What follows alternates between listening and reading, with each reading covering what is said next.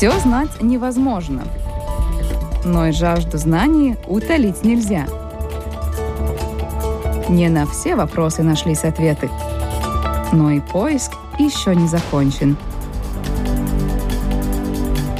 Все важное и новое из мира науки в программе «Теория всего». Здравствуйте, дорогие друзья. Как обычно, в это время по вторникам э, программа «Теория всего» и по воскресеньям, если вы слушаете нас в записи, но немножко, немножко позже, записи у нас э, в 6 часов 10 минут, в воскресенье, если кто не знает, вот э, сообщаю это здесь. Меня зовут Алексей Гусев. Обо всем важном и интересном из мира науки мы будем говорить в течение следующего получаса 40 минут. И сегодня наша тема палеонтологическая геологическое. Будем мы говорить э, о кембрийском периоде и почему именно о нем. Ну, на самом деле, э, что называется, мы идем с азов э, в сегодняшней программе, потому что во многом жизнь, как мы ее знаем сейчас, она как раз-таки берет свое начало 540 миллионов лет назад, когда резко увеличилось число биологических видов, появились организмы, обладающие минеральными скелетами, членистоногие и хордовые, а также образовались сложные формы растений. И собственно, о причинах и последствиях так называемого кембрийского взрыва. В основном э, сегодня мы будем говорить вместе с профессором Латвийского университета и заведующим отделом геологии факультета географии и наука Земли Эрвином Лукшевичем. Добрый день. Здравствуйте. Очень рад вас видеть у нас в студии. Это же возможность есть и у наших э, слушателей. В сайте lr4.lv, напоминаю, идет видеотрансляция. Там же есть кнопка «Написать в студию». Ваши вопросы мы принимаем уже сейчас. Так что если вас э, что-то смущало интересовало про кембрийский период, э, прошу вас не задерживаться и писать нам lr4.lv, написать в студию. Хорошо, давайте тогда мы, собственно, наверное, начнем с каких-то основных характеристик, пока еще к формам жизни, наверное, переходить не стоит. А что, собственно, Земля, вот э, эти далекие 540 миллионов лет назад, что она собой представляет? И потому что, ну, наша планета уже достаточно давно существует, существует и жизнь там, здесь это, это очень важно отметить. Но, да, на что похожа планета Земля вот э, практически более чем полмиллиарда лет назад? Ну, наверное, надо уточнить, что Кембрий – это первый период э, палеозойской эры – это самая древняя эра фанерозоя. Мы и ныне существуем в фанерозое, да, давайте, который именно тогда хорошо, и начался. Давайте, давайте тогда уточним, э, что такое фанерозоя до Кембрии, и почему вообще mm-hmm. понятие эон было введено, помимо эр, э, для чего это понадобилось э, летописцам истории Земли. Ну, для обозначения очень длительных событий. Как э, в нашей жизни, конечно, наиболее важный год, видимо, возможно, столетие. Но, тем не менее, мы с вами преодолели еще одну э, преграду, так сказать, между тысячелетиями. Границу пересекли. Но так э, в истории Земли э, определяют три значительных э, времени, и они соответствуют и довольно крупным а, объемам горных пород, которые в это время э, образовались. Это архей, протерозой и фанерозой. Фанерозой, вот самый молодой эон, начался 542 миллиона лет назад, если мы будем совершенно точно это указывать. Собственно, с кембрийского периода он начинается. Начинается с кембрийского периода. А откуда такое интересное название? Ну, мы до того, как э, вышли в эфир и обсуждали этот вопрос, э, Камбрией называли в свое время Уэльс э, и на латыни. Ну и поэтому это название закреплено, поскольку горные породы кембрийского периода в первый раз были описаны именно оттуда, из Уэльса. Ну, Великобритания, в общем, поучаствовала действительно в наименовании различных периодов геологической истории Земли. Вот э, графство Дивоншир мы тоже здесь неоднократно вспоминали в этой студии. Еще один пример. Э, ну, что ж, симптоматично. Да, и Ордовик, и Силур. Mm. И, кстати, каменноугольный период тоже назван по отложениям, которые широко распространены там. Э, вы просили рассказать, как выглядела Земля да. в то время, если мы говорим о докембрии, то есть временах до полумиллиарда лет назад. До, э, до взрыва нашего. Да, до скелетной революции, да. или еще Кембрий называют периодом трилобитов иногда. Так вот, э, Земля выглядела наверняка очень отлично, не, не так, как ныне. Очень трудно э, визуализировать, но что мне всегда кажется очень важным, то, что океан выглядел совершенно не так, как его представляем ныне или э, еще в сравнительно недавнем прошлом. Я имею в виду время, когда жили динозавры, к примеру. Океан в то время был очень малопрозрачный, видимо, даже зеленого неприятного цвета, как примерно застоявшаяся вода в какой-нибудь канаве. А, очень близко к границе до Кембрии и Кембрии ситуация начала изменяться.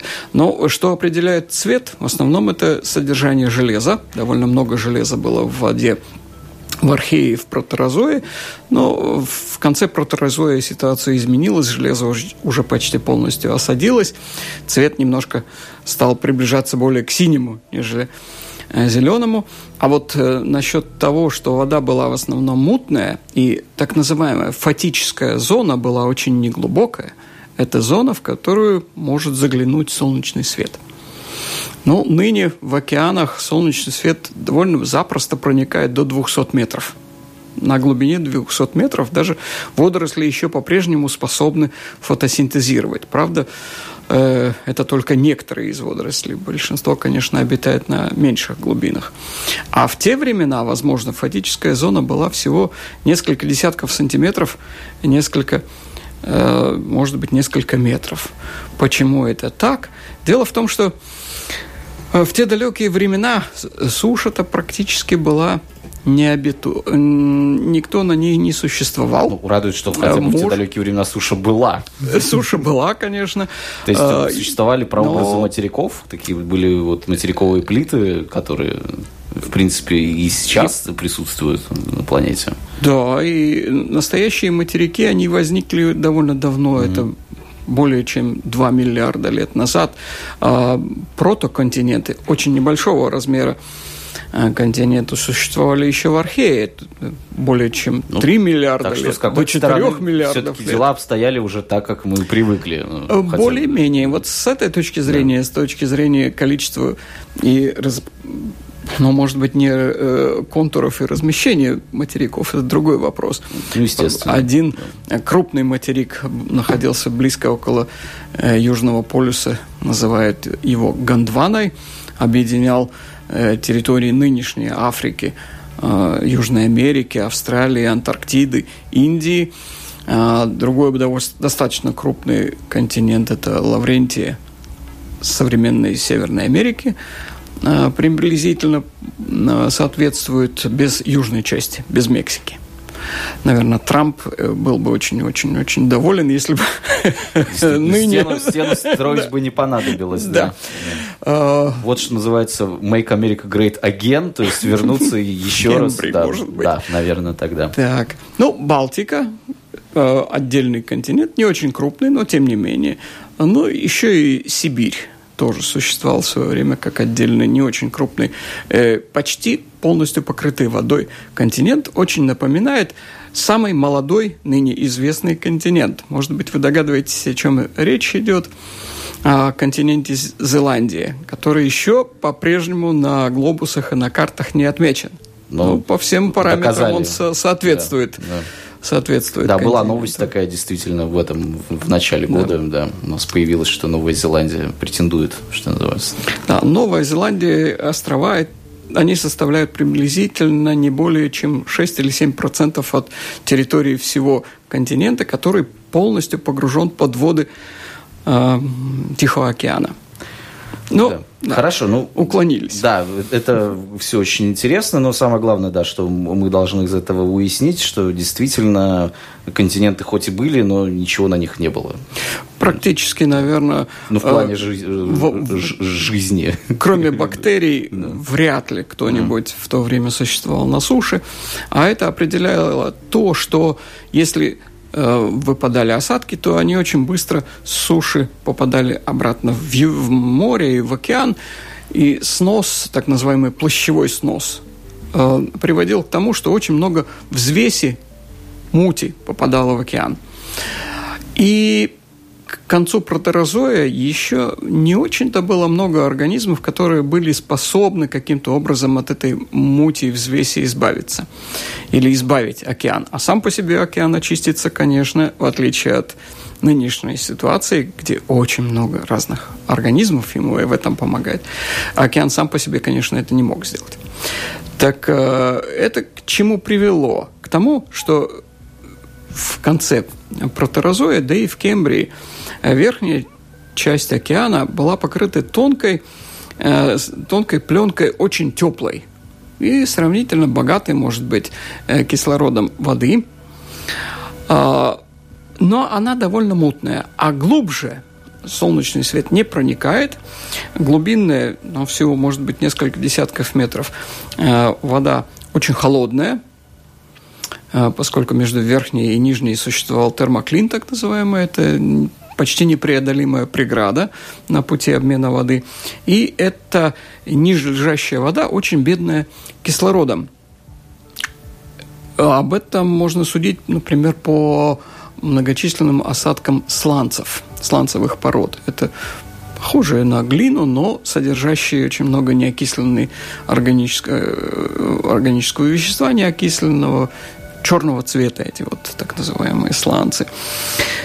Э, в конце протерозоя, наверное, во многом благодаря очень сильному похолоданию, известно, что в конце протерозоя два или три оледенения существовали, и довольно, довольно серьезные оледенения. Вся Земля, иногда есть версия, говорят, да, что вся прям просто даже на экваторе была нулевая температура где-то. Да, Земля превратилась в подобие э, спутника Сатурна Европу. Э, есть такая гипотеза, может быть, Земля существовала как снежный ком или снежок. Э, я в эту гипотезу не особенно верю, поскольку э, из протерозоя известны водоросли. Ну, а водорослям определенно нужен солнечный свет, и, по крайней мере, хоть где-то полыньи существовали, и полностью покрытым э, льдом земной шарик представить очень трудно. Э, так вот, в конце протерозоя, после того, как эти обледенения закончились, видимо, бесскелетный в то время зоопланктон, он уже существовал, занялся очисткой океанов. Это, конечно, не просто благотворительность какая-то, но э, возник так называемый пеллетный транспорт. Жутко звучит. Транспорт – это, понятно, перемещение. А что такое пеллеты? Это хорошо знают биологи и геологи. Пеллеты – это упакованные как бы в маленькие мешочки экскременты. Если экскременты не упаковать, а просто в жидком виде э, выбрасывать в окружающую среду, то получается, что ты существуешь постоянно в среде, ну, не очень благоухающей. А вот если упаковать все это дело, то пилеты под силой тяжести опускаются на дно водоема, заодно захватывая также и частички мути – так это изобретение каких организмов-то было? Это, видимо, э, разнообразные предки членистоногих, угу. моллюсков и червей и прочих-прочих в те времена еще без скелета. Поскольку на производство скелета нам с вами, вообще всем животным, нужно очень много вещества, во-первых. У нас, дай бог, каждому скелет э, довольно тяжелый. И очень много энергии – Соответственно, скелет может себе позволить существо, которое обладает довольно высоким уровнем обмена веществ. А значит, нужно и хорошо дышать, много кислорода потреблять. Вот этих факторов в, океана, в океанах протерозоя явно недостаточно или было мало. Поэтому и крупных организмов не было, скелеты делать было очень невыгодно. То есть сначала в любом случае появилась возможность. Но возможность со временем начала все больше и mm-hmm. больше появляться. И в результате пилетного транспорта вот этих бесскелетного зоо, э, организмов бесскелетного зоопланктона, повторюсь, зоо, то есть это те, которые кушали фитопланктон растительного происхождения. И которые водоросли. не производили, соответственно, кислород. Кислород, к сожалению, не производили, потребляли, да. а вот водоросли занимались... Ну, фитопланктон занимался производством. Занимался уже, производством. Да. К тому времени довольно, довольно много кислорода, по крайней мере, в в атмосфере. Так вот, океан становился все более прозрачным, термоклин исчез или значительно углубился в, на значительные глубины, и того сфера жизни – эукариотов, к которым мы принадлежим тоже, это организмы, у которых клетка очень крупная и обладает ядром, а в ядре у нас заключается генетическая информация. Так вот, э, сфера жизни эукариотов очень резко увеличилась. От нескольких десятков сантиметров только пленки э, океанов до нескольких десятков метров, а может быть иногда и сотен метров. И кислорода больше, фатическая зона больше – ну, стратификация по температуре, она достигла дна в некоторых случаях, и начал появляться все больше и больше кислород. Кислород и в океанической воде, и у дна. Великолепно. Представляете, всего-навсего надо утилизировать правильно отходы производства личного, правильно, скажем, сортировать отходы, чем мы, кстати, не занимаемся регулярно в Латвии, в отличие от многих других стран. Но это, опять же, очень сильно отклоняюсь от темы. Да, это мы сейчас еще о загрязнении океана давайте поговорим, да, современном. Да, ну, хорошо. Так вот, на дне э, в начале Кембрия начал собираться ценный пищевой ресурс э, – для кого-то это отбросы, а для кого-то других это очень хороший ресурс. И в результате начало, начали появляться организмы, которые заселяют дно водоемов, поначалу не очень глубоко, появляется донная фауна. И вот тогда-то уровень кислорода поднимается настолько, что скелеты, наконец, становится выгодно делать. Э, есть уже и энергия на то. И, э, конечно, скелет иметь выгодно, прикреплять к нему органы пищеварения, органы обмена газов – Э, органы очень быстрых движений и так далее и тому подобное. И появляются и хищники, затем появляются те, которым нужно себя защитить от хищников, проявляется скелетная революция. Хотя и там вот дела начинают идти с какой-то страшной скоростью для эволюционных масштабов. Почему это взрывом все называется? Потому что ну, многообразие ну, так взрывоподобно вдруг возникает совершенно различных организмов. Именно. Когда-то казалось, что практически одновременно возникли почти все современные типы животных. Ну, может быть, за исключением шанок и некоторых, некоторых более молодых э, групп водорослей. Но, да, кстати, и водоросли тоже обзавелись скелетами. Это зеленые водоросли в то время сделали. Но на самом деле... Скелетами, про... то есть? Да. Э, Какие ну, растения может... скелеты, или как это, это правильно сказать? Да. Э, ну, скелетами можно назвать любые вот такие минеральные образования.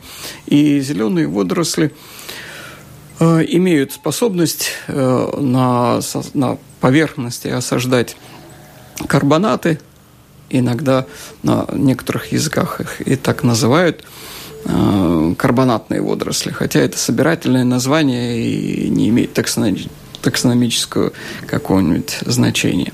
Но на самом деле, поскольку кембрийские фауны исследуются в последние 30 лет очень очень интенсивно в разных частях мира, то оказалось, что на самом деле вот этот вот процесс скелетной революции был достаточно долгим. Занимал он не менее 20 миллионов лет – с точки зрения геолога это не очень много, но тем не менее. Ну, достаточно, можем сказать так. Да.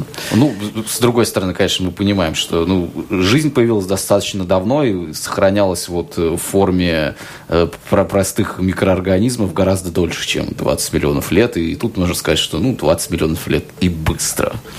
Да, если э, ну, почитать современные издания. Э, периодически наши австралийские коллеги печатают сейчас э, сообщения о том, что все более и более древние остатки, которые явно принадлежат живым организмам, это, конечно, бактерии. Э, нижняя планка опустилась уже до 3 миллиардов 700 миллионов лет. Вот настолько древняя оказывается жизнь на Земле. И вы совершенно правы, от трех 1,7 миллиардов до 542 миллионов лет доминировала одноклеточная жизнь, в основном это бактерии. За исключением от самого, э, самого последнего кусочка протерозоя, когда существовали довольно крупные многоклеточные организмы. Крупные насколько? До метра и, может mm. быть, иногда больше, но не обладавшие скелетами. Это так называемая эдиакарская фауна, среди которой очень много очень странных организмов, которые, видимо, э, ну, это время Идиакара, это примерно 630 до 542 миллионов лет назад. И это время, как э, только что вы очень интересно упомянули, время, когда э, Бог пытался писать черновики, и это первый ну, расцвет многоклеточных организмов, но, видимо, что-то не получилось так, как было задумано, и диакарская фауна практически э, полностью вымерла, за исключением очень не, некоторых групп, которые, может быть, существовали в то время и продолжали существовать в Кембрии. Да, и что? Кембрия – это вот действительно период, в котором фантастическое повышение многообразия разных животных – да, и если мы действительно уже говорим о Кембрии, то вы тоже упомянули, что еще его называют периодом трилобитов. А почему, собственно, вот эти вот родственники ракообразных, как правильно будет сказать, mm-hmm. захватывают столько много сфер э, жизни, столько такое большое их разнообразие появляется? То есть почему они оказываются, ну, видимо, самыми успешными животными той эпохи? Э, об, этом тоже есть э, догадки, но как Хм, как э, в самой заставке этой программы говорится, да, очень много что еще нужно да, и думать, искать, находить и разъяснять. Э, видимо, что э, в самом начале Кембрия ну, гонка вооружений началась между разными группами животных, и членистоногие оказались очень успешными, поскольку у них жесткий панцирь, он их хорошо э, предохраняет и от воздействия внешней среды, и от, скажем, от хищников, от паразитов и так далее и тому подобное. И до сих пор эта группа очень очень многообразные. Например, э, насекомые, известно, что их э, количество, может быть, достигает одного миллиона видов и ракообразные, очень великолепно развитая группа, и многоножки, и многие другие. Но сами трилобиты, трилобиты до нас не дожили, к сожалению. Трилобиты, да. к сожалению, оказались не настолько удачной конструкцией, они вымерли в, в конце Перми, но тем не менее в то время оказалась очень удачная конструкция. Вторая конструкция, не менее удачная, это э, также э, животные с наружным скелетом – это разнообразные моллюски. Но до наших дней очень многие группы прекрасно дожили. Это и, и двустворчатые, и брюхоногие, и головоногие моллюски. Правда, головоногие, в отличие от, кем, от кембрийских, потеряли свои раковины. В основном у них раковин нет. А третья группа, которая в то время возникла и впоследствии оказалась очень успешной, это наши с вами предки, хордовые – Правда, позвоночные пока еще из Кембрия достоверно неизвестны, но какие-то очень близкие к позвоночному уже в те времена существовали. Так вот, трилобиты по какой-то причине оказались в то время наиболее наиболее хорошо приспособленными. Поначалу это были хищники, видимо, а затем они успешно приспособились, просто используя пилетный транспорт, добывать себе пищу из того, что на дне осадки, из осадков. И таких животных мы называем детритофагами э, поедали детрит, разные органические остатки, не только экскременты. Некоторые превратились со временем в, в трупоедов. Ну, почему нет? Кому-то этим делом тоже надо заниматься. Некоторые фильтраторы, правда, среди трилобитов фильтраторов не очень-то много, но тем не менее есть. А, вот такая интересная история с трилобитами. И помимо трилобитов еще некоторые другие интересные mm-hmm. группы возникли, которые напоминают отдаленно трилобитов. Это трилобитоподобные. Довольно много форм найдены в, в э, очень известных сланцах Burgess. Эти сланцы распространены в Канаде, и оттуда известно э, благодаря длительным раскопкам, это сборы, наверное, по крайней мере 90 лет, в разные периоды интенсивно занимались люди э, сборами несколько десятков тысяч остатков животных, из многих, у многих очень хорошо развиты скелеты, но среди них есть и бесскелетные формы. То есть не все сразу же сподобились на скелеты и согласились э, такие скелеты заиметь. Некоторые по-прежнему еще и были бесскелетными формами. Что ж, здесь, наверное, мы ненадолго прервемся. И напоминаю, да, это программа «Теория всего». Говорим о кембрийском периоде. Оставайтесь с нами, можно будет совсем скоро позвонить. Все важное и новое из мира науки в программе «Теория всего». Так, действительно, напоминаю, у нас в гостях находится профессор Латвийского университета, заведующий отделом э, геологии факультета географии и наук Земли Эрвин Лукшевич. Говорим мы о кембрийском периоде палеозойской эры, о том, собственно, времени, когда жизнь стала такой, которой мы ее знаем во многом. Э, наш телефон 67227440, но до этого, вот, кстати, о том, о чем мы говорили, приходит уточняющий вопрос от наших слушателей. Вот как можно видеть, я так понимаю, ну, я перефразирую вопрос, как можно э, понять, вот, что, каким образом, какие остались свидетельства и вот этих организмов, о которых мы довольно много говорим. То есть, с одной стороны, понятно, окаменелые скелеты, что такое, ясно, а вот если у животного нет скелета, то какие окаменелости у него остаются? Вот, видимо, так, э, так, так лучше этот вопрос сформулировать. Угу. Очень хороший вопрос. Иногда, в некоторых случаях, э, возникают э, особые условия, при которых даже организмы без скелетов сохраняются очень неплохо.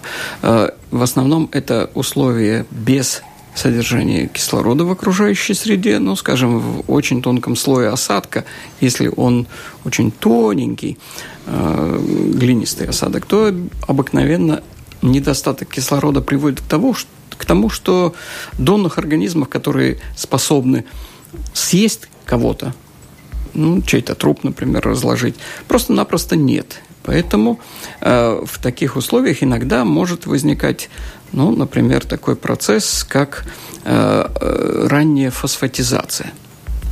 То есть э, органическое вещество замещается фосфатами. Ну а фосфаты, апатит, примеру, довольно неплохо сохраняется. Э, чем ближе к нынешним дням, тем меньше возможны такие условия, но они иногда бывают все-таки встречаются. Например, на дне Черного моря. Там заражение э, сероводородом, и поэтому на дне водоема, видимо, могут существовать только бактерии, а трупоядов нет. Бактерии разлагают органическое вещество, но если будет достаточно много фосфата, то возможно сохранение вот таких вот бесскелетов, бесскелетных организмов. Помимо это, того, конечно, крайне важно для палеонтологии. Для палеонтологии это, это да. действительно очень важно. Э, помимо берджеских э, сланцев, подобные условия существовали и в других частях света в то время.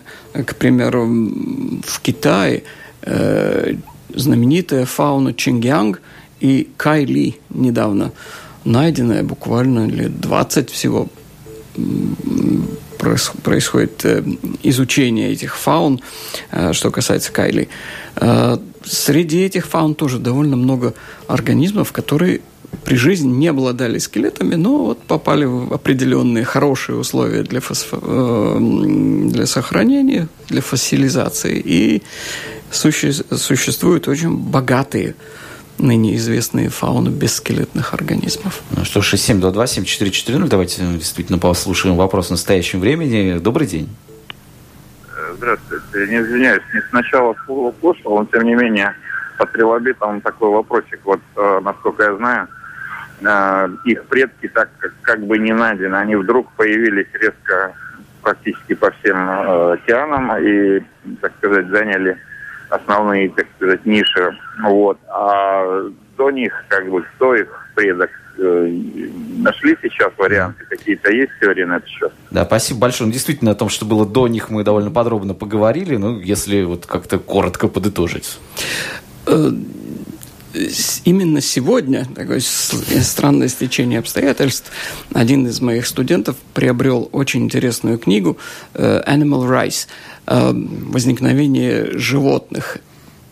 Книга, э, один из авторов, знаменитый ученый Федонкин из России, он занимался довольно долгое время эдиакарской фауной. Так вот, среди представителей адиакарской фауны есть некоторые бесскелетные организмы, очень небольшие, они примерно размером с ноготь, но по, э, по тому, как они устроены, мы знаем, э, к сожалению, не очень-то много об этих животных. Они напоминают трилобитов. Не исключено, что, возможно, какие-то предки трилобитов действительно существовали в, э, в составе эдиакарской фауны. Ну да, действительно, это было бы логично, потому что э, крупные многоклеточные, ну да, сравнительно крупные, да, многоклеточные организмы, они ниоткуда взяться явно не могут. Ну, первые три лобита не очень крупные были, надо да. сказать, что... Э, ну, вообще, сравнительно, да, ну, естественно. Тем не менее, да, да, да. тем не менее, ну, да, здесь надо понять, ну, правы, они что маленькие. Это, да, да, 3 сантиметра сколько это, это уже хороший да, трилобит. Да. Достаточно большой. Да, да. Довольно, довольно большой. Другое дело ордовик. Ордовикские mm. трилобиты – это настоящие гиганты, до 70 сантиметров вырастали. А кембрийские не были такими крупными. Да, 67227440, э, телефон нашего прямого эфира. Звоните нам и добрый день. Добрый день, Алексей, господин Лукшевич, Виктор. Все это, конечно, действительно очень интересно, доказательно и естественно. Но в итоге-то человек.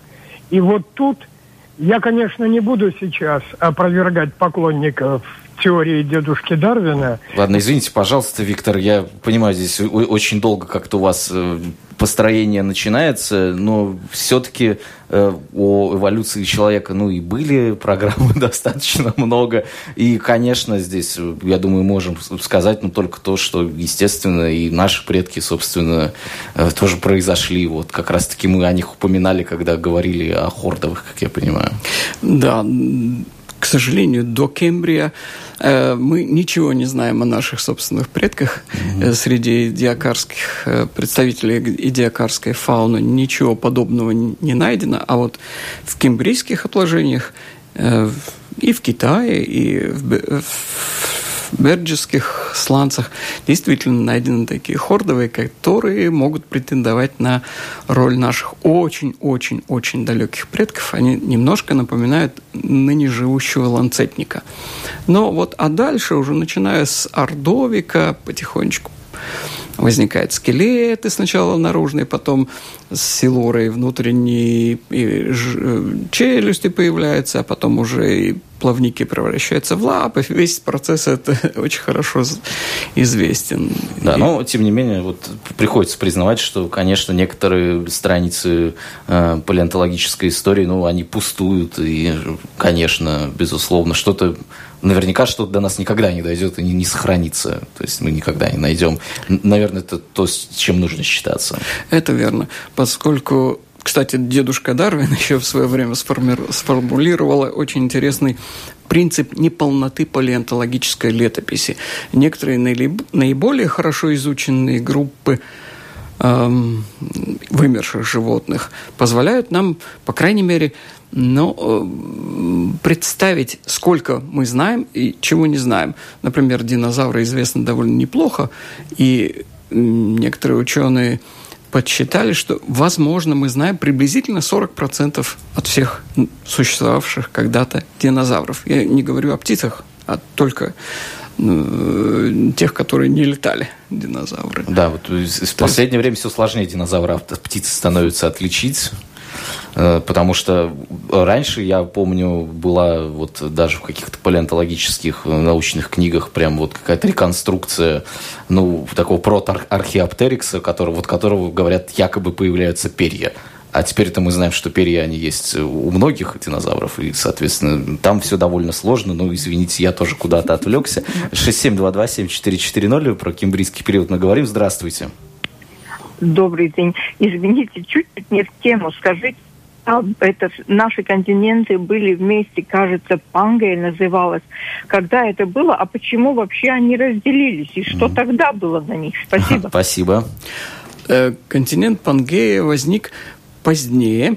Э, в Кембрии, как я сказал, было шесть отдельных континентов. Они потихонечку, начиная с Ордовика, начали смыкаться, потихоньку исчезали старые океаны. К примеру, в Силуре Балтийский континент столкнулся с Лаврентией, образовалась Евроамерика, затем в конце Дивона Карбоне присоединилась Гондуана, и вот тогда э, в Карбоне в начале Перми сформировался очень крупный континент, э, который слушательница упомянула, Пангея.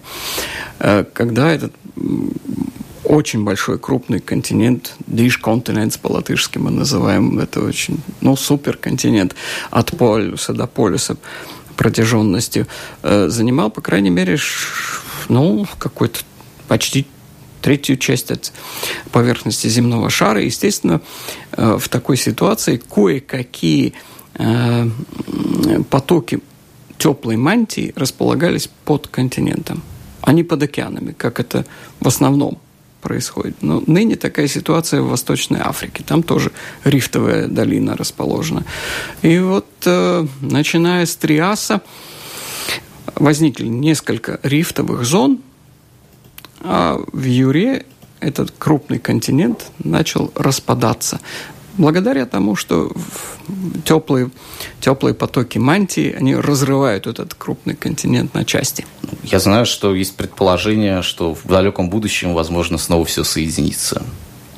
Э, да, ныне, ныне э, континенты как бы, ну, немножко еще по-прежнему все-таки разбегаются в разные стороны, но есть и исключения. Индия присоединилась Э, к Евразии сравнительно недавно, это приблизительно 25 миллионов лет назад. Э, ныне Австралия следует тем же путем, она направляется на север, и поэтому вот непрерывные землетрясения и извержения вулканов на Зонском архипелаге обычное явление. А примерно через, может быть, 250 миллионов лет после того, как мы здесь сидим, э, все континенты, возможно, опять же, сгруппируются вместе, но это, видимо, будет последняя Пангея. И этому континенту уже придумали название Пангея Ултима, то есть окончательная Пангея, потому что э, э, к сожалению, Земля становится все более холодной, холодной, что касается э, процессов в ядре и в мантии. И поэтому, видимо, э, Пангея Ултима уже не будет разорвана дальше. Мы будем только, конечно, стоит утешаться тем, что на наш век, конечно, Земли хватит. Да. И э, подытоживая, собственно, кембрийский период, э, почему, как, когда он заканчивается, когда это все переходит в Ордовик, какое, какие главные изменения происходят и что дальше? В самом конце Кембрия это очень удачная фауна, и трилобиты, и многие другие животные испытали некоторый шок.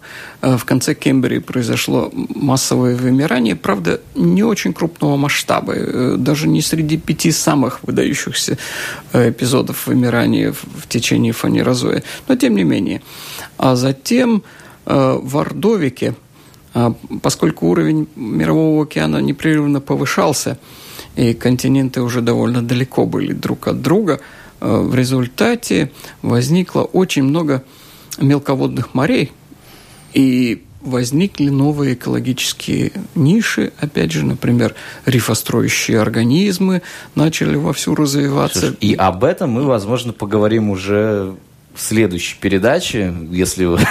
И назовем его да. «Ордовикская революция». Ну, не знаю, как насчет революции, но почему нет? Я думаю, что, конечно, это достойно уже отдельного эфира, а тем более все наше время уже вышло. О кембрийском периоде и кембрийском взрыве мы сегодня говорили с профессором Латвийского университета, заведующим отделом геологии факультета географии и науки Земли Эрвином Лукшевичем. Спасибо большое.